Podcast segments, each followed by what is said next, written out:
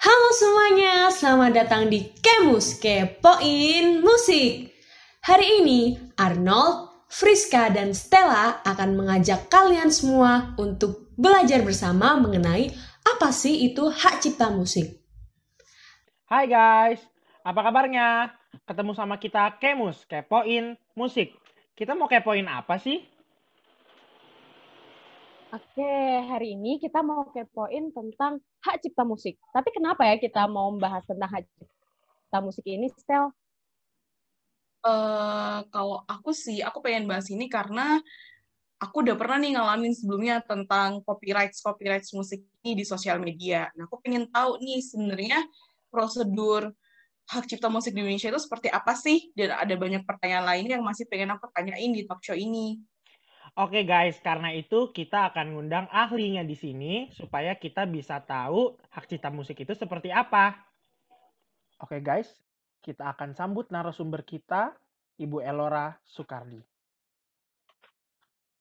Beliau meraih gelar sarjana seni dari Universitas Pelita Harapan, sarjana hukum dari Universitas Trisakti, dan magister hukum dari Universitas Pelita Harapan. Saat ini beliau bekerja di Legal Aspect Department sebagai dosen di Fakultas Hukum dan Conservatory of Music Universitas Pelita Harapan. Saat ini beliau juga tergabung di beberapa organisasi, seperti Asosiasi Konsultan Hak Kekayaan Intelektual Indonesia, Enlightenment Entertainment Law Indonesia, serta Himpunan Konsultan dan Pemerhati Haki Alumni Fakultas Hukum Universitas Trisakti. Oke, sekarang sudah bersama dengan kita Ibu Elora Sukardi. Halo Ci, apa kabarnya Ci? Halo. Sekarang Semuanya. lagi sibuk apa Ci? Sekarang sibuknya ya cuman ngajar aja. Lalu uh, ada orkes juga ya, jadi kadang suka ada event dari orkes, uh, recording juga untuk uh, project-project orkes gitu aja sih. Oke, nah Ci, selanjutnya kita uh, kemarin udah bertanya pada beberapa orang dari berbagai bidang juga mengenai uh, apa sih itu hak cipta musik menurut mereka dan bagaimana pengalaman mereka bersa uh, dengan hak cipta musik ini. Gitu. Nah, Stella boleh tolong tampilkan videonya. Sebelum kita belajar mengenai hak cipta musik lebih dalam, kita mau dengar dulu yuk pendapat dari teman-teman kita. Pertama, non pekerja seni.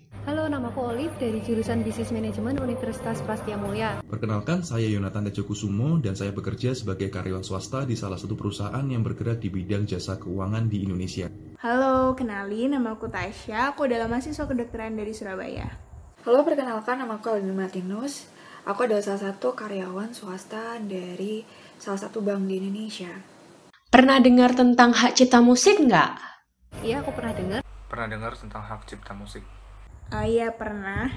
Pernah, saya pernah mendengarkan apa itu hak cipta musik. Pernah. Apa sih yang kamu ketahui tentang hak cipta musik?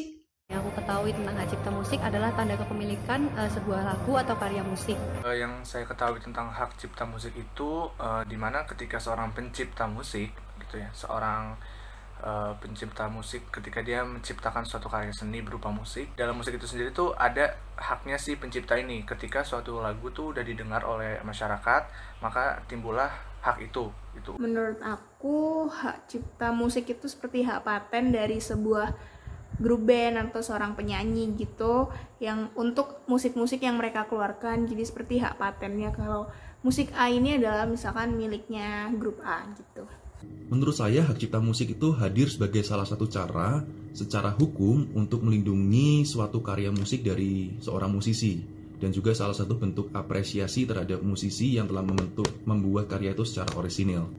Hak cipta musik adalah hak yang didapatkan oleh seseorang yang menciptakan karya musik dan juga mereka berhak untuk menuntut orang lain ketika orang lain menggunakan karya mereka. Kayaknya yang aku tahu seperti itu. Menurut kamu, Penting nggak sih hak cipta musik itu? Menurutku hak cipta musik itu penting untuk menghargai pencipta lagunya dan juga untuk menghindari plagiarisme. Menurut saya hak cipta musik itu penting ya karena ketika hak cipta musik itu sendiri muncul itu tuh sangatlah penting untuk si pencipta musik ini uh, untuk mengakui sebuah karyanya itu sendiri agar tidak di uh, plagiarism atau diikuti atau ditiru oleh beberapa kelompok atau mungkin beberapa orang gitu di luar sana gitu. Uh, sepertinya penting sih biar karya kita atau yang karya yang udah diproduksi itu nggak dicuri atau dijiplak sama orang lain. Penting, sangat penting karena sebagai salah satu bentuk untuk melindungi dari pihak-pihak yang ingin merugikan secara material maupun imaterial, maupun sengaja dan tidak sengaja pastinya.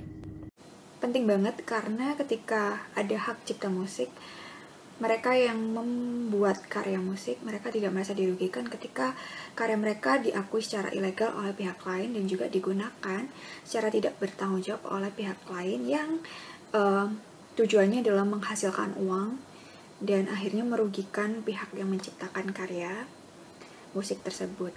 Menurut kamu, pandangan tentang hak cipta musik di Indonesia gimana sih? Hak cipta musik di Indonesia itu masih kurang karena um, masih ada karya-karya yang dipublikasikan tanpa memiliki hak cipta yang itu bisa saja merugikan penulisnya atau penciptanya.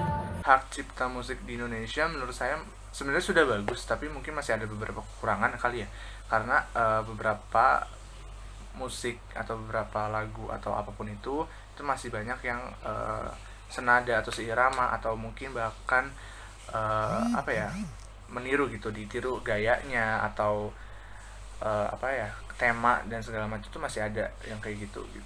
Sebenarnya kurang tahu banyak sih tapi sepertinya udah bag sudah berjalan dengan baik. Hak cipta musik di Indonesia menurut saya sih masih kurang ya karena saya merasa sih banyak orang-orang pun yang melanggar hak cipta itu mau baik itu disengaja maupun tidak disengaja karena memang literasi yang masih kurang di kalangan masyarakat. Hak cipta di Indonesia menurut aku masih kurang karena masih banyak uh, tindakan ilegal tentang penggunaan karya musik orang lain secara ilegal. Dan juga uh, tentunya banyak uh, pihak yang merasa dirugikan karena hal tersebut. Dan juga orang-orang uh, di, di luar sana juga belum tahu sampai mana batasan harus menggunakan karya orang.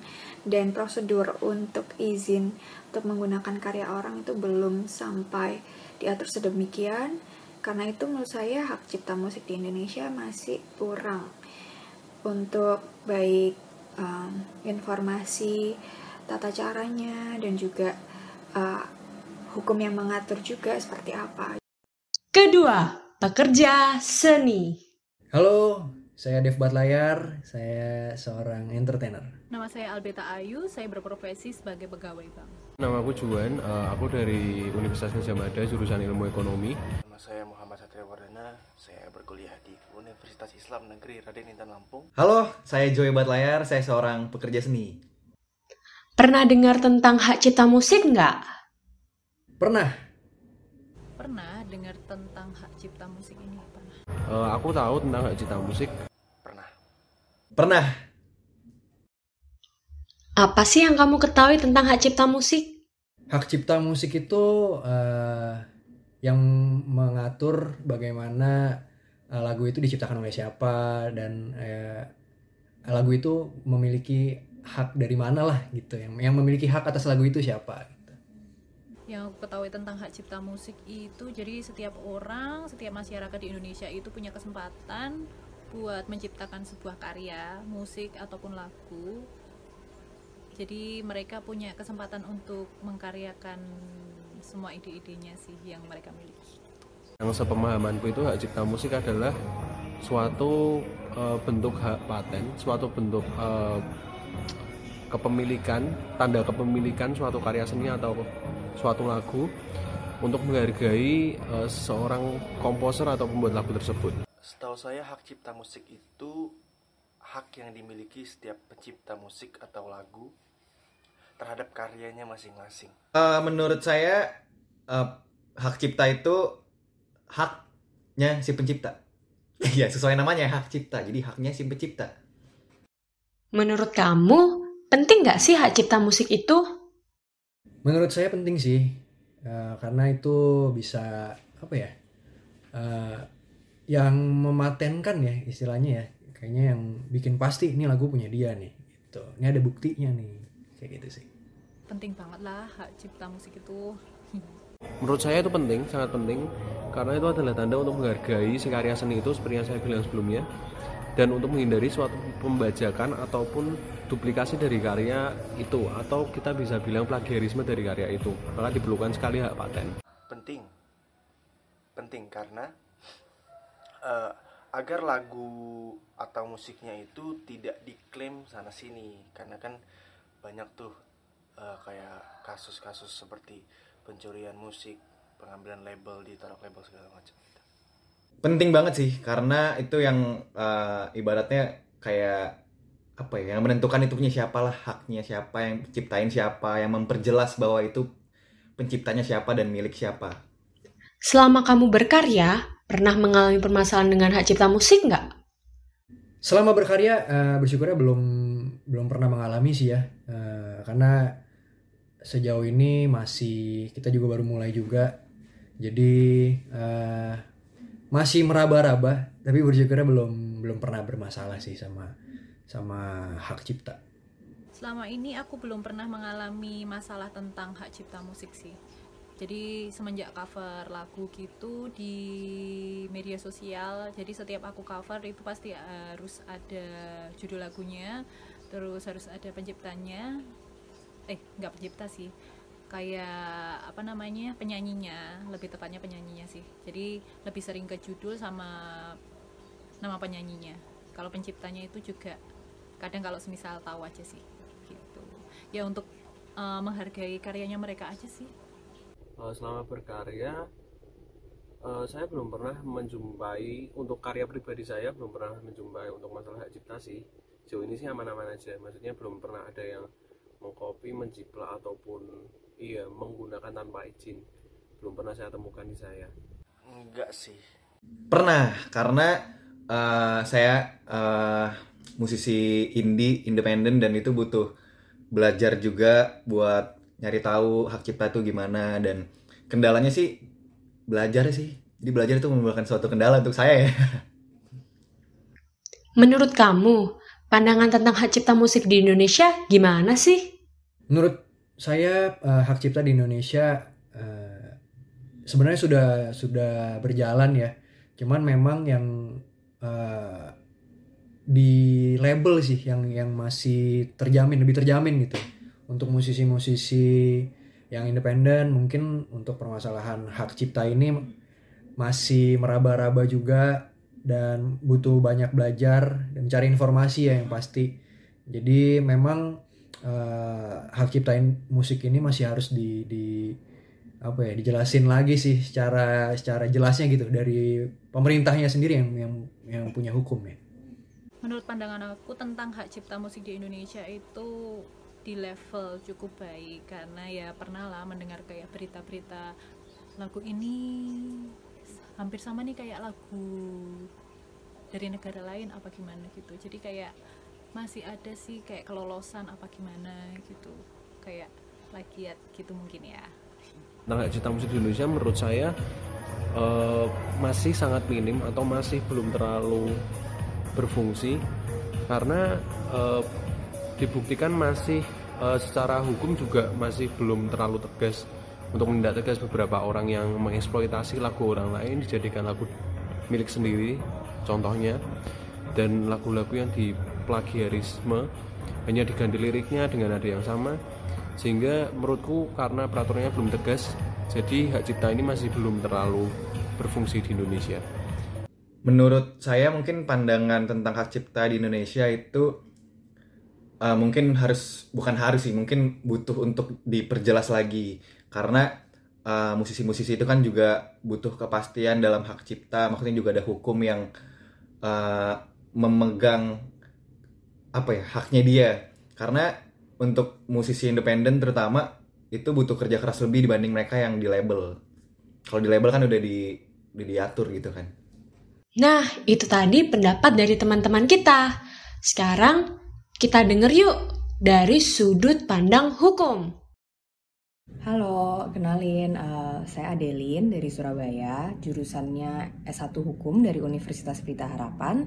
Sekarang sedang S2 uh, jurusan Ilmu Politik di UI dan sekarang lagi bekerja sebagai seorang legal staff atau legal specialist di, di tiga pilar sejahtera food.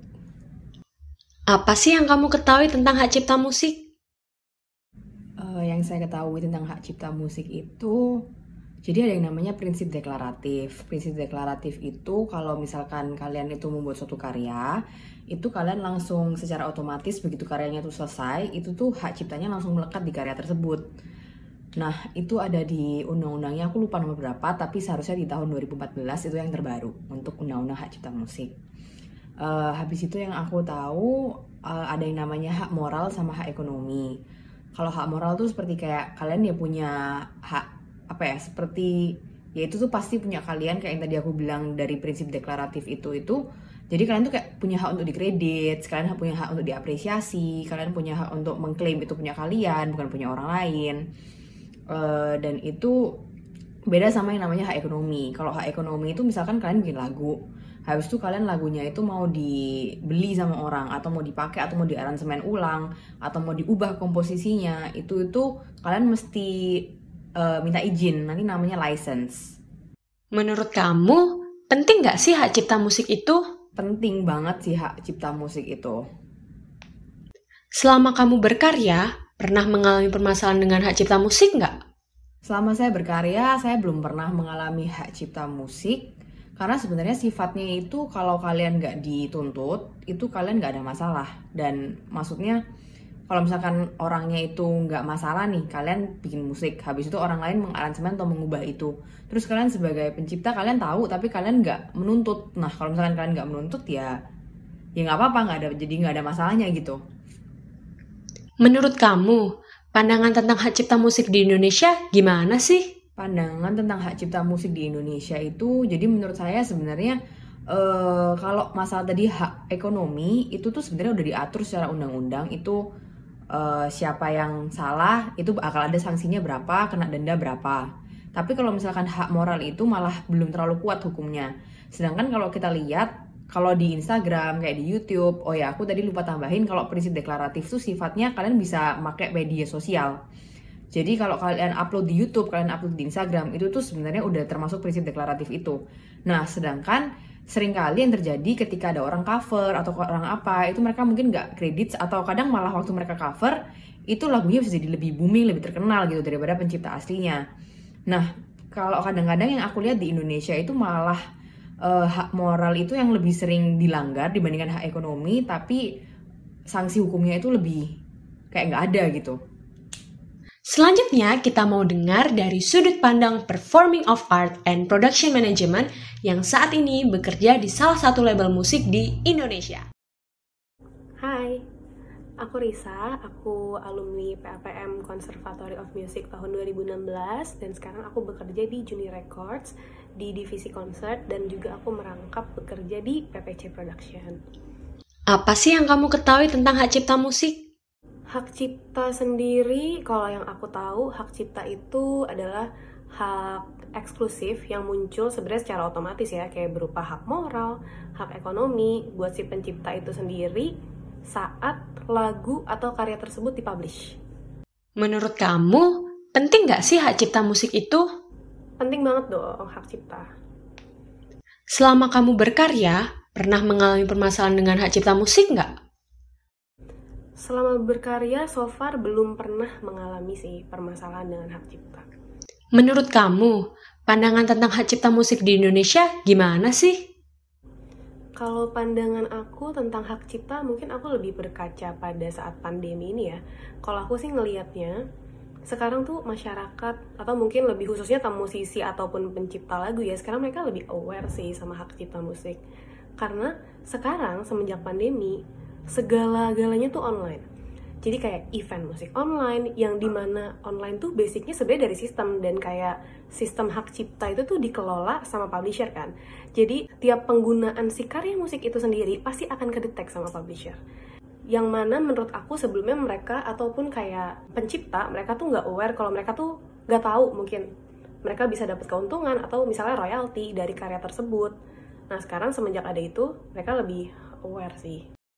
Oke, tadi kita udah lihat teman-teman tentang uh, pendapat dari berbagai macam teman-teman kita ya dari orang awam terus juga orang-orang yang udah mungkin sering cover, sampai ada tadi juga anak hukum dan juga anak PAPM nih.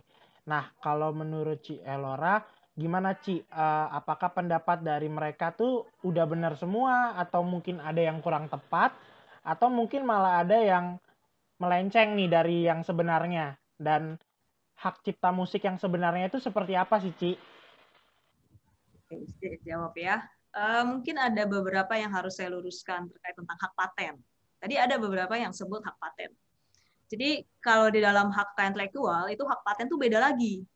Jadi kita nggak bisa bilang patenin musik saya, patenin merek saya, okay. patenin desain saya itu salah. Oke. Okay.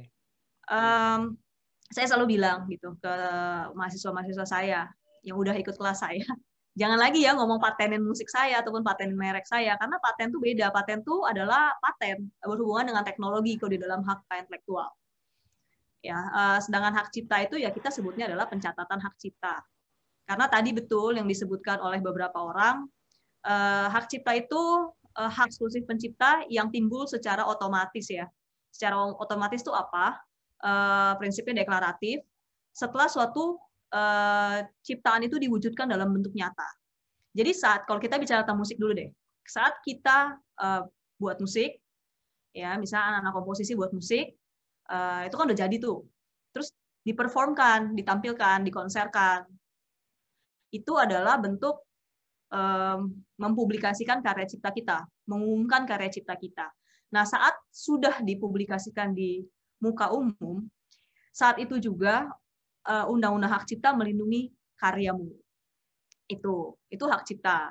Nah, jadi uh, nanti kan timbul pertanyaan lagi ya, kalau gitu ngapain Bu saya uh, melakukan pencatatan hak cipta, bayar lagi. Nah, ini yang menjadi penting adalah saat kita melakukan pencatatan hak cipta, kita itu nanti akan mendapatkan sertifikat pencatatan hak cipta yang ditandatangani oleh pejabat yang berwenang, kan dari Dirjen Haki kan. Nah, bukti itu menjadi bukti yang sempurna kalau nanti kita uh, terjadi sengketa di pengadilan. Gitu. Pembuktiannya apalagi ya udah kita kasih sertifikat hak ciptanya itu bahwa kita sudah melakukan pencatatan hak cipta dan tanggal pengumuman pertamanya pun juga ada di sertifikat itu. Uh, kapan kita mempublikasikan karya kita. Nah, jadi pembuktiannya sudah sempurna berbeda dengan kalau teman-teman tidak melakukan pencatatan hak cipta ya buktinya berarti kan harus dikeluarin semua tuh ya partiturnya, ya, kapan melakukan publikasinya, mungkin tiket konsernya, uh, kapan kita mungkin masukin ke digital platform. Jadi uh, pembuktiannya tuh bakal panjang gitu. Oke. Okay. Nah itu yang terkait tentang hak cipta. Jadi ada yang benar, ada yang uh, kurang tepat. Maka tadi saya luruskan terkait paten. Ya, jadi sebenarnya uh, hak cipta ya betul ada hak ekonomi juga dan hak moral di mana hak moral itu tanpa batas waktu. Hmm. Ya. Terus yang menariknya adalah saat kita mengcover tadi ada salah satu yang bicara kalau uh, mengcover ataupun memainkan lagu orang di sosial media ataupun di mana pun ya, yeah. itu katanya hanya menyebutkan judul dan juga yeah. Iya. uh, penyanyi. Penyanyi. Nah ini sesuatu yang salah ya. Oke. Okay. Iya itu sesuatu yang salah yang harus dilakukan adalah sebenarnya harus menyebutkan nama pencipta. Nama penciptanya. Jangan cuma kadang-kadang aja kalau saya tahu penciptanya siapa. benar, benar, benar. Itu salah ya. Okay. Karena dalam hak moral uh, yang tadi disebutkan hak cipta itu ada hak ekonomi dan hak moral. Hak moral itu salah satunya adalah tetap mencantumkan nama penciptanya. Oke. Okay. Nah, jadi, jadi jangan lupa ya teman-teman, justru nama penciptanya yang penting ya Ci, harus dicantumkan ya ya bukannya yang mempopulerkan tidak penting ya, yeah. tetap yang mempopulerkan penting. Cuman kadang kalau saya kasih uh, advice, terutama ke siswa PAPM ya, kan mereka kan sering bikin konser ya. Mm-hmm. Nah, saya dan Pak Revi itu sering banget mengadvise tuh uh, ya kalian harus mencantumkan nama penciptanya. Jangan cuma judul lagu, terus siapa penyanyinya atau yang mempopulerkan. Harus ada penciptanya. Gitu sih. Okay. Okay. Itu bisa dicari kan di internet. Maksudnya pasti ada kok. Pasti gitu. ada. Apalagi kalau uh, ciptanya uh, dari luar ya. Benar. Uh, lagu-lagu, informasi lagu dari luar negeri itu bagus sekali. Uh, di detailnya ada music by siapa, hmm. liriknya by siapa, gitu. Yep. Jadi itu bisa kalian ambil dari situ sebenarnya. Oke. Nah, kita juga lanjut nih, Ci. Seben jadi sebenarnya tujuan dari hak cipta musik itu apa sih, Ci? Tujuannya. Ya tadi ya kalau kalau kita lihat dari definisinya hak cipta sendiri di dalam undang-undang jadi undang-undang tadi uh, saya luruskan undang-undang nomor 28 tahun 2014 ya jadi tadi ada yang sebut tahunnya ingat tapi nomornya nggak ingat. Jadi nomornya adalah 28 tahun 2014 nah dari undang-undang tersebut sebenarnya jelas banget ya uh, disebutkan hak cipta itu dia melindungi uh, karya cipta dari uh, penciptanya kan? Ya. ya penting apa enggak? Tentu penting ya. Kalau sudah sesuatu dilindungi oleh hukum ada undang-undangnya pasti penting. Musik itu saya selalu bilang musik itu berharga. Ya, ya kan? Kita dalam menciptakan musik itu nggak nggak gampang loh. Betul. Menciptakan aransemen gampang nggak susah loh menciptakan aransemen itu nggak semudah itu menciptakan aransemen. Saya mungkin bisa ciptain lagu tapi mungkin kalau ciptain aransemen mungkin saya nggak bisa. Ya. karena itu harus yang benar-benar imajinasinya tuh luar biasa sekali itu dalam menciptakan aransemen. Nah sehingga uh, dua karya cipta tersebut itu dilindungi oleh undang-undang hak cipta.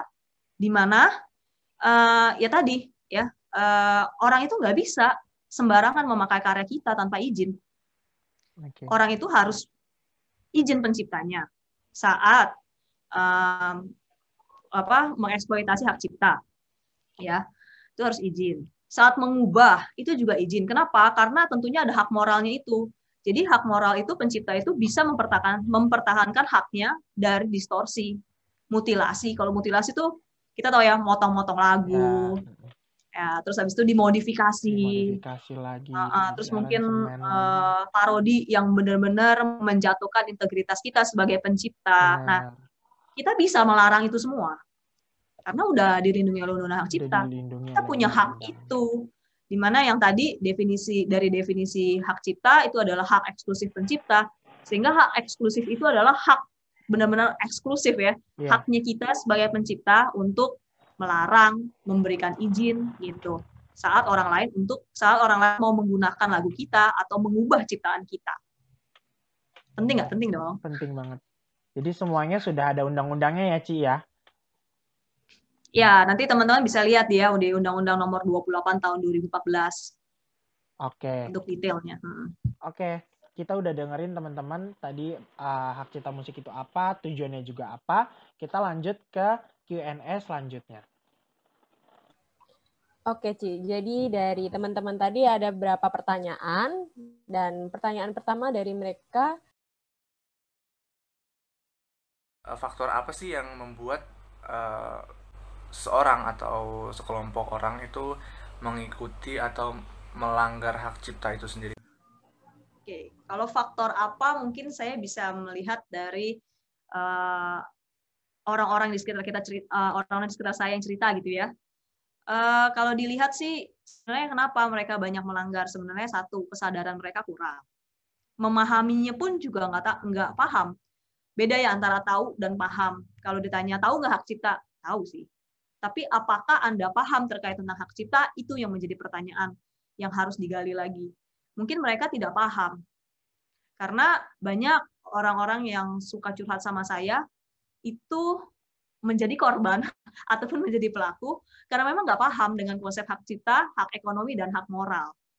Mereka berpenganggapan bahwa ya sudahlah kalau yang namanya kita sudah jual, kan kalau hak uh, cipta itu bisa dilisensikan eh, ya tadi sudah disebut juga kan dilisensikan adapun juga dijual putus nah mereka beranggapan juga ada yang bilang ya udah kalau sudah dijual udah dikasih ke orang kan hak mereka mau ngapa-ngapain gitu padahal sebenarnya kita pun bisa membatasi saat kita melakukan jual putus misalnya ke orang lain kita bisa uh, istilahnya bisa memberikan izinnya sampai mana gitu bukan serta merta akhirnya jadi seenaknya nama penciptanya diganti ke orang yang beli.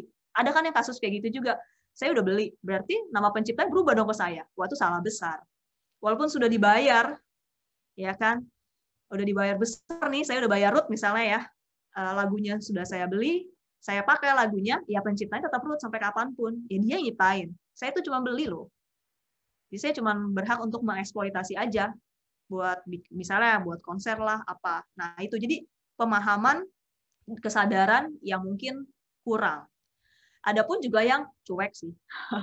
Jadi kayak nggak peduli aja, ya udah biarin aja gitu. Ada yang kayak gitu.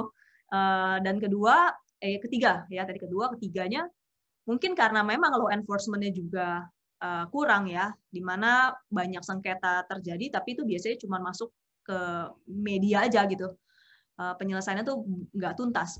Jadi orang kayak agak cuek-cuek, bodoh amat mungkin ya gitu. Itu sih yang uh, aku lihat di masyarakat. Oke, jadi teman-teman tadi ada beberapa faktor ya yang udah disebutin dari kurang kurang kurang paham, terus juga dari uh, kurang sadar atau mungkin cuek juga dan juga dari reinforce reinforcement yang kurang. Law enforcement. Uh, dari uh, law enforcement. Oke, okay, dari law enforcement yang kurang. Yes. Oke, selanjutnya. Kalau orang cover lagu itu apakah termasuk melanggar hak cipta atau bukan? Karena kan secara imaterial dia kan pasti jadi terkenal nih.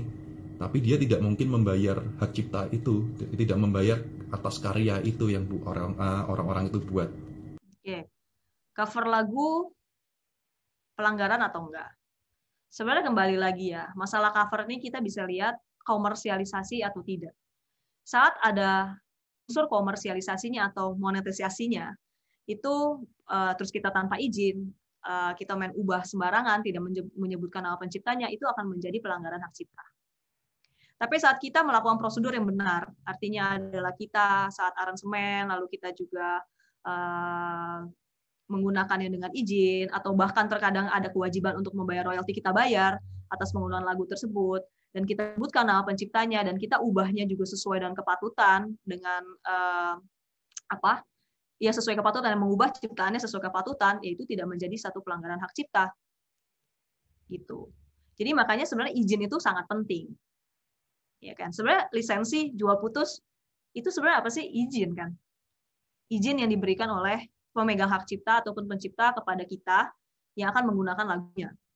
Nah jadi izin itu sangat penting Nah, yang menjadi uh, ada yang bertanya harus bayar royalti kah? Nah, balik lagi. Ada yang uh, pencipta atau pemegang hak ciptanya itu bisa memberikan secara cuma-cuma. Artinya dia memberikan izin, ya silahkan pakai lagu saya, mau di cover, uh, mau diubah, silahkan. Ya udah, saya nggak kasih uh, apa nggak kasih tagihan bayar royalti gitu ya. Itu ada juga yang seperti itu. Nah, kalau cover saya selalu uh, ini ya pesan kepada teman-teman itu selalu cover itu hati-hati dengan aransemen, ubahnya itu nggak boleh istilahnya itu nggak boleh menjatuhkan integritas pencipta. Ya, jadi mengubah ciptaan itu harus sesuai dengan kepatutan. Gitu. Mencantumkan nama penciptanya itu yang selalu saya tegaskan, mencantumkan nama penciptanya. Saya itu selalu kalau cover nggak tahu nama penciptanya, saya itu jadi tahu. Gitu. Kebetulan kemarin juga ada satu lagu yang saya nggak tahu nama penciptanya. Nah, tapi karena saya punya link ke sana, uh, ada pun juga teman saya punya link ke sana, saya tanya, sebenarnya penciptanya itu siapa sih? Gitu. Karena memang yang sering terjadi di Indonesia itu uh, judul lagu hanya dengan orang yang mempopulerkan aja, gitu. jarang nama penciptanya. Nah itu terkait tentang cover lagu. Oke, berarti lebih kepada mencantumkan nama pencipta itu ya, Ci, yang terpenting pencipta mengubah ciptaannya sesuai kepatutan, izin pencipta. Apalagi kalau nah, kalau komersialisasi. Ya, kalau misal Poin komersialisasi sih. Oke, kalau misal kita masukin ke YouTube, itu kan bisa jadi komersialisasi atau tidak ya, Ci ya. Kalau misal kita, dia kita bisa monetize atau tidak. Oh, di YouTube. Jadi ya. tergantung dari monetize-nya itu sendiri. Ya. Oke. Jadi kuncinya adalah monetisasi kan kalau di YouTube ya. Mungkin teman-teman yang sering upload di YouTube atau artis YouTube pasti tahu tuh masalah monetize ya uh, di YouTube. Nah, uh, ya jadi poinnya adalah sebenarnya kuncinya adalah monetisasi komersialisasi itu. Karena berhubungan dengan ekonomi di mana kita mendapatkan keuntungan dari lagu seseorang kan itu. Nah, makanya kita harus punya kewajiban-kewajiban lainnya karena kita menggunakan lagu orang loh untuk memper memper famous ya diri kita atau mendapatkan keuntungan untuk diri kita itu. Oke, thank you Ci untuk jawabannya. Boleh ke nomor selanjutnya? Sebetulnya hak cipta musik di Indonesia itu hukumnya seperti apa dan juga uh, apakah ketika orang menggunakan karya orang lain itu sebetulnya apa sih uh, namanya prosedur yang harus dilalui ketika menggunakan karya orang lain baik itu manggung baik itu cover baik itu um, harus merimake atau menggunakannya sebagai soundtrack itu sebetulnya hak cipta musiknya seperti apa Oke, ini bicara tentang hukum secara keseluruhan ya atau gimana nih? Maksudnya pandangan saya tentang hukum, pandangan saya menurut saya terkait tentang undang-undang hak cipta. Atau tentang hak ciptanya aja. Tentang hak ciptanya aja. Gimana? Gimana prosedurnya gitu sih okay. untuk buat manggung, cover, remake segala macam. Nah, balik lagi sama ya seperti yang tadi terkait tentang cover ya. Uh, saat kita mau konser itu kan juga sebenarnya kita hmm, mencari uh, keuntungan juga ya kita menghimpun dana kalau konser berbayar ya kita bicara konser berbayar bayar tiket itu kan sebenarnya juga ada um, keuntungan yang kita ambil dari penjualan tiket sponsor itu juga jadi jangan pikir tidak bayar tiket tapi banyak sponsor itu artinya bukan bukan bukan bukan konser yang tidak menguntungkan gitu ada sponsor pun terkadang itu juga dihitung oleh publisher Ya, saya pernah ada konser itu nggak bayar memang, tapi saya ada sponsor. Yang ditanya oleh publishernya, sponsornya apa aja sih bu? Karena itu dinilai juga. Nah, bagaimana prosedurnya sama seperti cover tadi ya. Yang pasti saat kita ingin menggunakan lagu seseorang untuk kepentingan konser kita eh, atau penggunaan lainnya, yang satu kita tentunya harus izin. Ya kedua ya biasanya saya juga akan tanya karena kalau udah udah udah kontekan sama publishernya pasti saya izin untuk kepentingan acara apa? Publisher akan tanya acaranya apa? Oh acara konser musik gini gini gini nih terkait tentang apa? Ya jadi kayak proposalnya lah. Proposalnya tuh mereka biasanya nanya eventnya itu tujuan apa nah setelah itu uh, publisher juga pasti akan nanya yang terkait uh, penjualan tiket sponsornya segala macam nah saat itu pun kita akan jelaskan apa saja sponsornya dan tiketnya berapa. Nah, setelah itu kita akan bertanya terkait tentang pembayaran. Nah, dari situ nanti publisher biasanya akan memberikan uh, harga-harganya berapa. Nah, ada pun juga kita sebenarnya di lembaga manajemen kolektif. Ya, di Indonesia itu sudah ada di undang-undang kita sudah mengatur tuh lembaga manajemen kolektif nasional. LMKN ini uh, membawa, um, menjadi payung atau mensupervisi LMK LMK di bawahnya mereka itu adalah lembaga yang berhak untuk mengkolek royalti atas penggunaan lagu-lagu kita. Nah, kalau kita bicara LMK mungkin panjang ya. Nanti teman-teman bisa cari sendiri di website LMKN. Di situ ada uh, penggunaan lagu untuk kepentingan uh, tertentu itu ada list harganya. Untuk karaoke misalnya. Untuk di kafe, penggunaan lagu di kafe. Ini kita nggak bicara tentang penggubahan ya. Kita benar-benar pakai lagunya plek seplek-pleknya itu. Benar-benar lagu originalnya kita gunakan untuk kafe kita, kita gunakan untuk mall misalnya, untuk pesawat, untuk karaoke segala macam itu ada list harganya yang sudah ditentukan oleh MK. Nah, kita bisa bayar saat kita menggunakan lagu tersebut.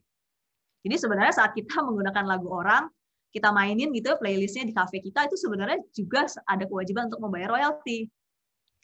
Nah, tapi kalau penggubahan, misalnya kita uh, konser, kita aransemen ulang lagunya dari lagu band bisa kita ubah jadi orkestrasi gitu ya. Itu artinya kita harus ada izin dari penciptanya itu sendiri. Atau pemegang hak cipta. Pemegang hak cipta tuh bisa macam-macam ya. Uh, bisa pun kalau pencipta sudah meninggal ya anaknya, ahli warisnya itu yang menjadi pemegang hak cipta. Kita izin ke uh, anaknya. Gitu. Contohnya aja kayak paduan suara gitu ya. Kalau misal kita ikut lomba terus lagunya itu kita kan pakai lagu aransemen orang pakai lagu ciptaan orang gitu. Jadi dengan menghargai hak cipta mereka tuh apakah kita harus membayar kah? Atau gimana ya cara menghargai yang lebih tepat? Gitu aja sih.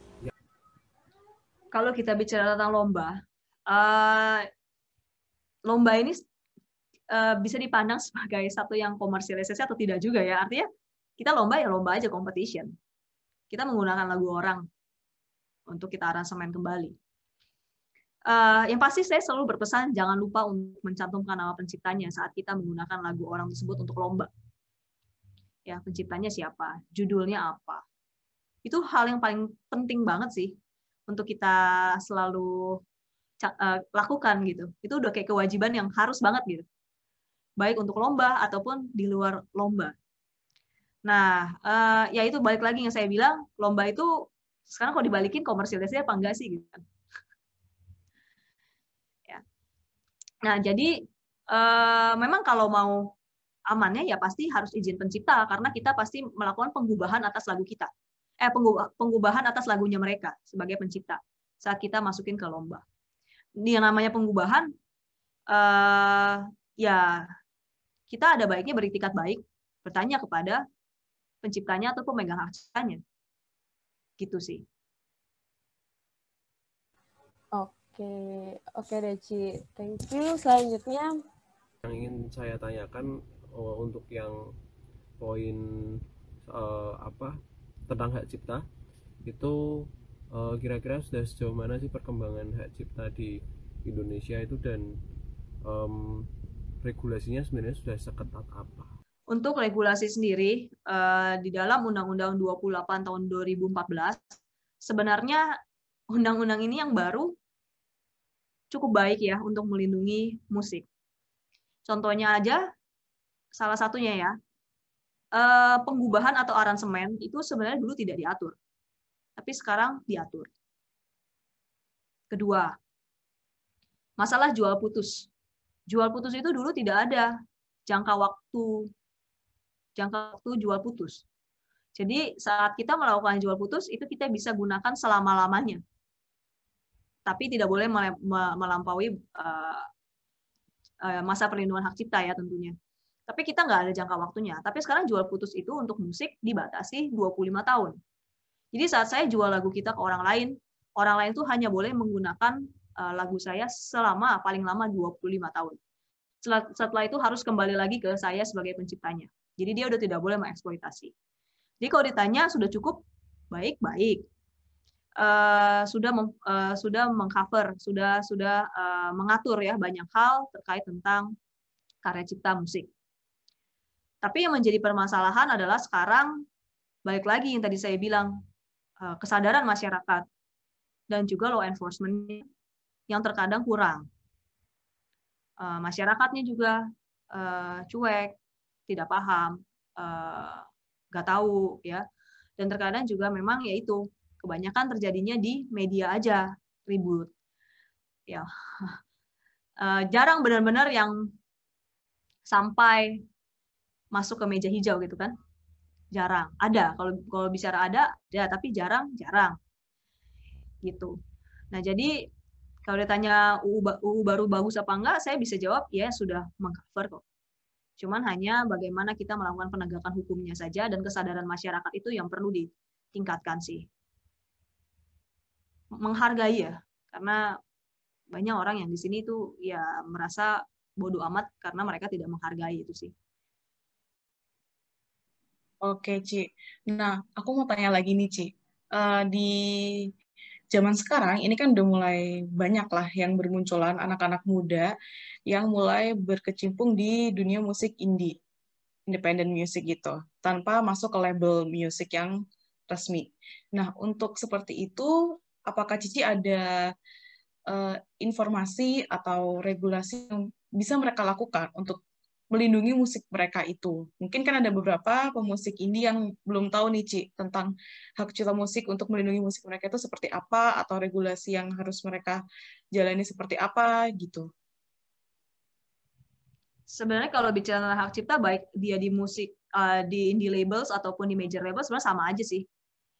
Gitu. Um, nah, yang apa ya, yang mungkin mereka perlu perhatikan, terkadang kalau major label ya, itu kan penciptanya nanti mereka ada publishernya sendiri kan yang menjadi eh, apa sebutnya mewakili pencipta. Jadi dia sebagai pemegang hak ciptanya mewakili pencipta dari ya dari pelanggaran terjadi, dari penggunaan dan eksploitasi segala macam. Jadi baik major or indie sebenarnya sama aja sih terkait hak cipta.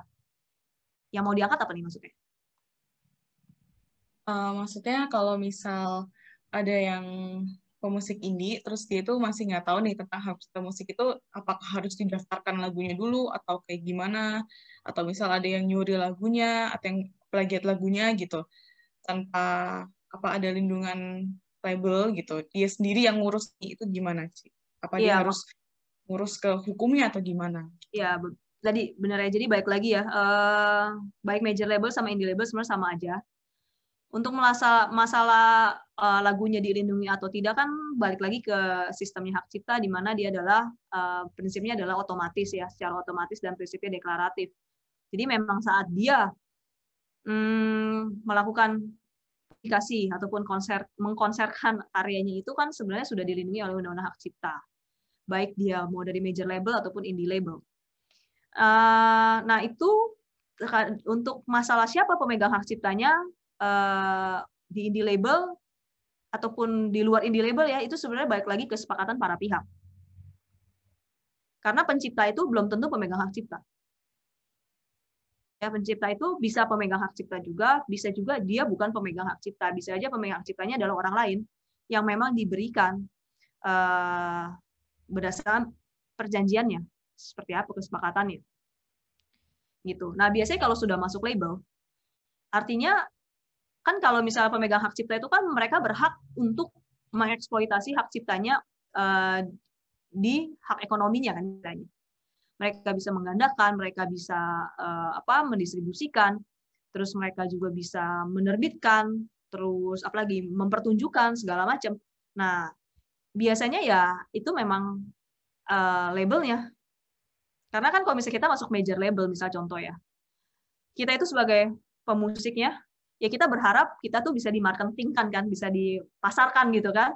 Nah, bisa lagu-lagu kita bisa dijual. Nah, dari situlah sebenarnya fungsinya label itu kan sebenarnya membantu kita dalam itu, dalam proses penggandaan, penerbitan, uh, kalau sekarang musik mungkin sudah bukan penggandaan kayak CD lagi ya, tapi udah masuk ke agregator, menjual musik secara digital. Itu kan sebenarnya bantuan-bantuan dari label itu sendiri. Gitu. Oke, thank you Ci untuk jawabannya. Boleh ke pertanyaan selanjutnya?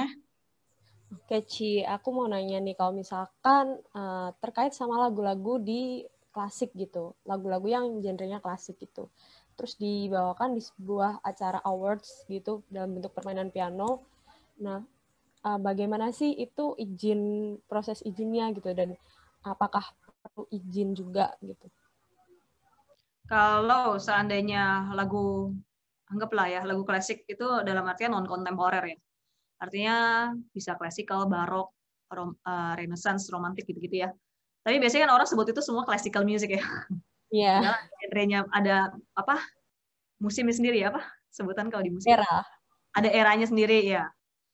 Uh, nah perlu diketahui bersama ya bahwa sebenarnya Undang-Undang Hak Cipta itu melindungi musik itu uh, selama hidupnya pencipta ditambah 70 tahun setelah penciptanya meninggal. Yang kita tahu bahwa komposer-komposer klasikal itu sebenarnya kan sudah lebih dari 70 tahun meninggalnya. Betul ya? Ini yang ahli musik klasik mungkin bisa uh, ya, ini ya memberikan pemaparan ya.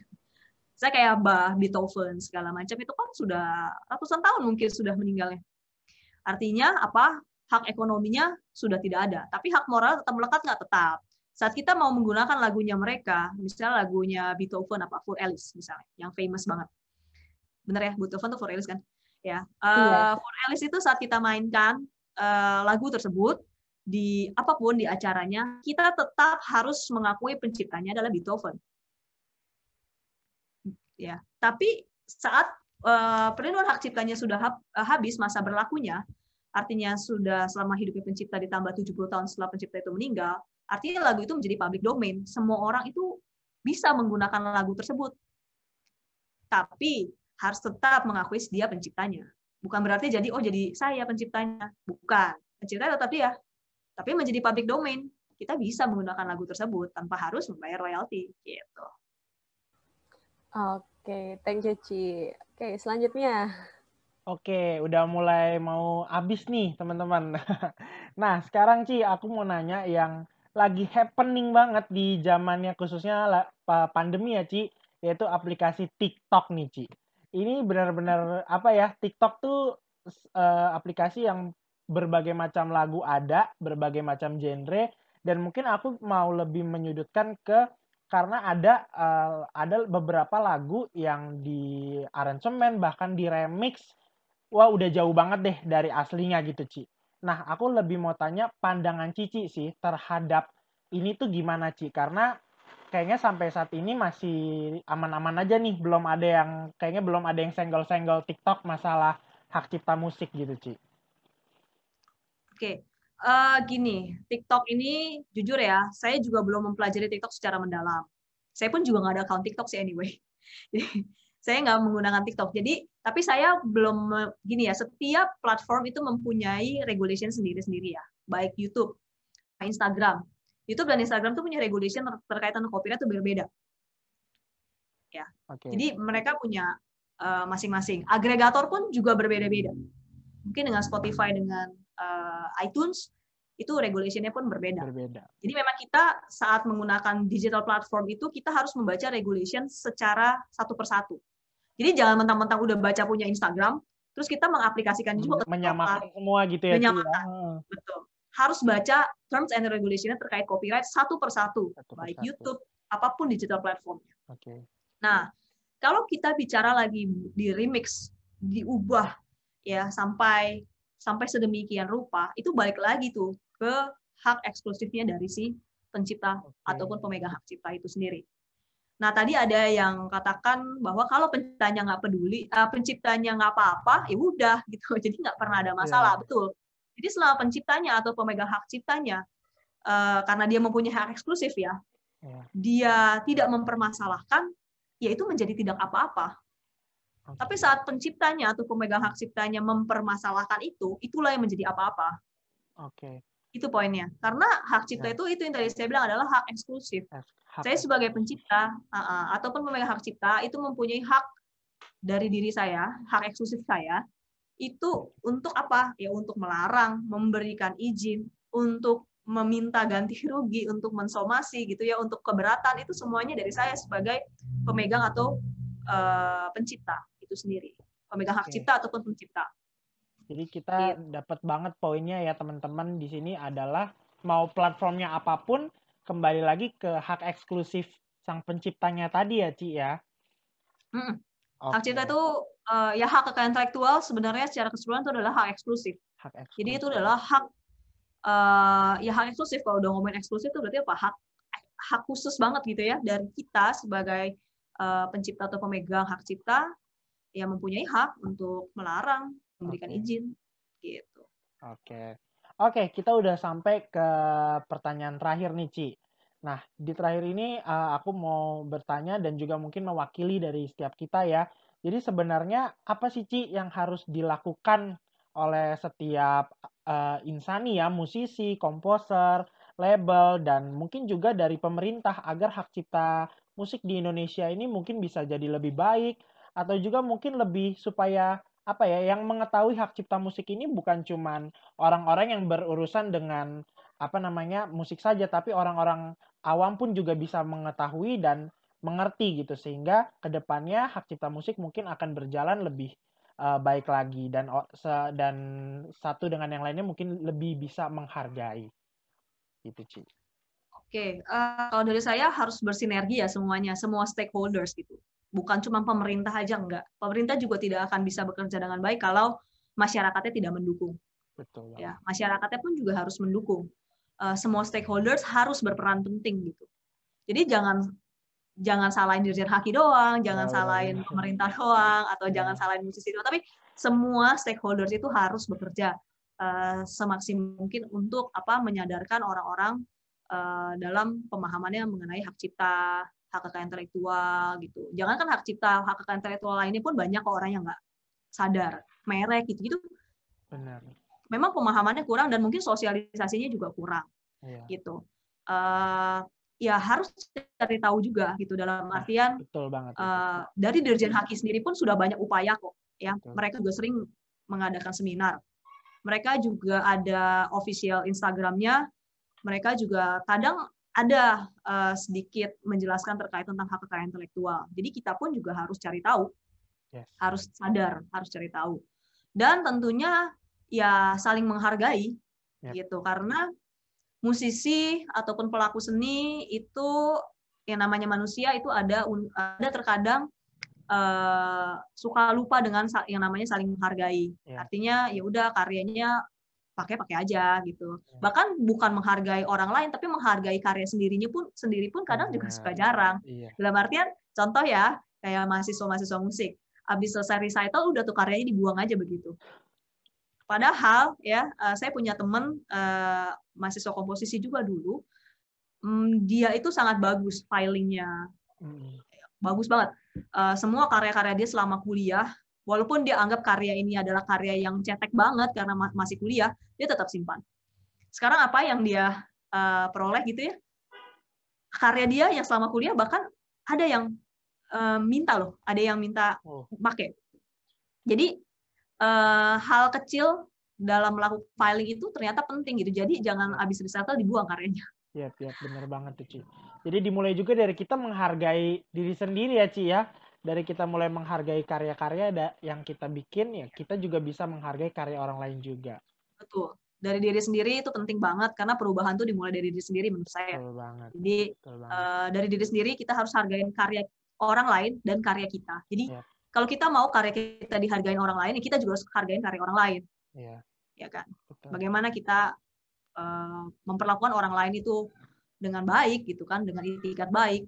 Nah, terus habis itu dari diri kita, setelah itu juga kita bersinergi tentunya. Ya kalau ada temen yang uh, melakukan pelanggaran ya kasih tahu gitu loh, jangan didiemin diemin aja. Iya. Kita kan udah ngerti nih, iya. temen nggak ngerti, kasih tahu gitu. Okay. Uh, dari situ ya kan kalau pemerintah kan gini pemerintah itu kan tugasnya banyak ya, DJKI tugasnya banyak nggak mungkin uh, yang kecil-kecil mungkin teman-teman kita yang tidak terkenal itu uh, maksudnya ter apa ya ter apa ya uh, uh, DJKI lihat gitu. Yep. kalau yang famous ya mungkin gitu. Tapi kalau yang kayak saya misalnya contohnya followers cuma dikit segala macam ya mungkin uh, pemerintah ngelihat saya gitu. Tapi kan yang ngelihat adalah teman-teman sekeliling saya yang memahami tentang hak cipta misalnya. Ya itulah dikasih tahu gitu. Nah setelah itu kita sama-sama bersinergi uh, juga stakeholders lainnya dari sisi penegak hukum dari konsultan haki dari orang-orang memang yang pemerhati haki itu juga harus bersinergi sih untuk mendukung pemerintah kalau menurut saya gitu. dan pemerintah pun juga harus uh, berupaya dalam law enforcement dan segala macam sih. Gitu. Itu jadi nggak ada alasan lagi sebenarnya di zaman sekarang buat nggak tahu hak cipta ya Ci. Karena semuanya udah ada ya Ci. Tadi Instagram juga iya. udah ada dibuka di internet juga udah banyak banget. Banyak banget. Dan undang-undangnya semuanya jelas ada jadi buat teman-teman jangan males-males lagi untuk mau tahu hak cipta musik itu apa bahkan kadang ada teman saya yang customer service-nya DJKI dan itu dijawab gitu Oke. Okay. Terima kasih banyak Cik Elora untuk waktunya uh, menemani kita selama tanya jawab tadi ya. Gitu. Sama-sama, semoga berguna. Mohon maaf kalau ada yang salah ya. Kami juga membantu kalau ada yang salah-salah kata. Ya. Oke. Okay. Good luck semuanya. Thank you, Ci. Thank you, Ci, untuk waktunya. Thank you, Ci. Nah, gimana semuanya? Udah semakin paham kan tentang hak cipta musik dan cara kerjanya? Terima kasih ya buat kalian semua sudah bergabung dengan kami hari ini. Sampai jumpa di episode-episode selanjutnya. Stay tune di Kemus Kepoin Musik. Bye!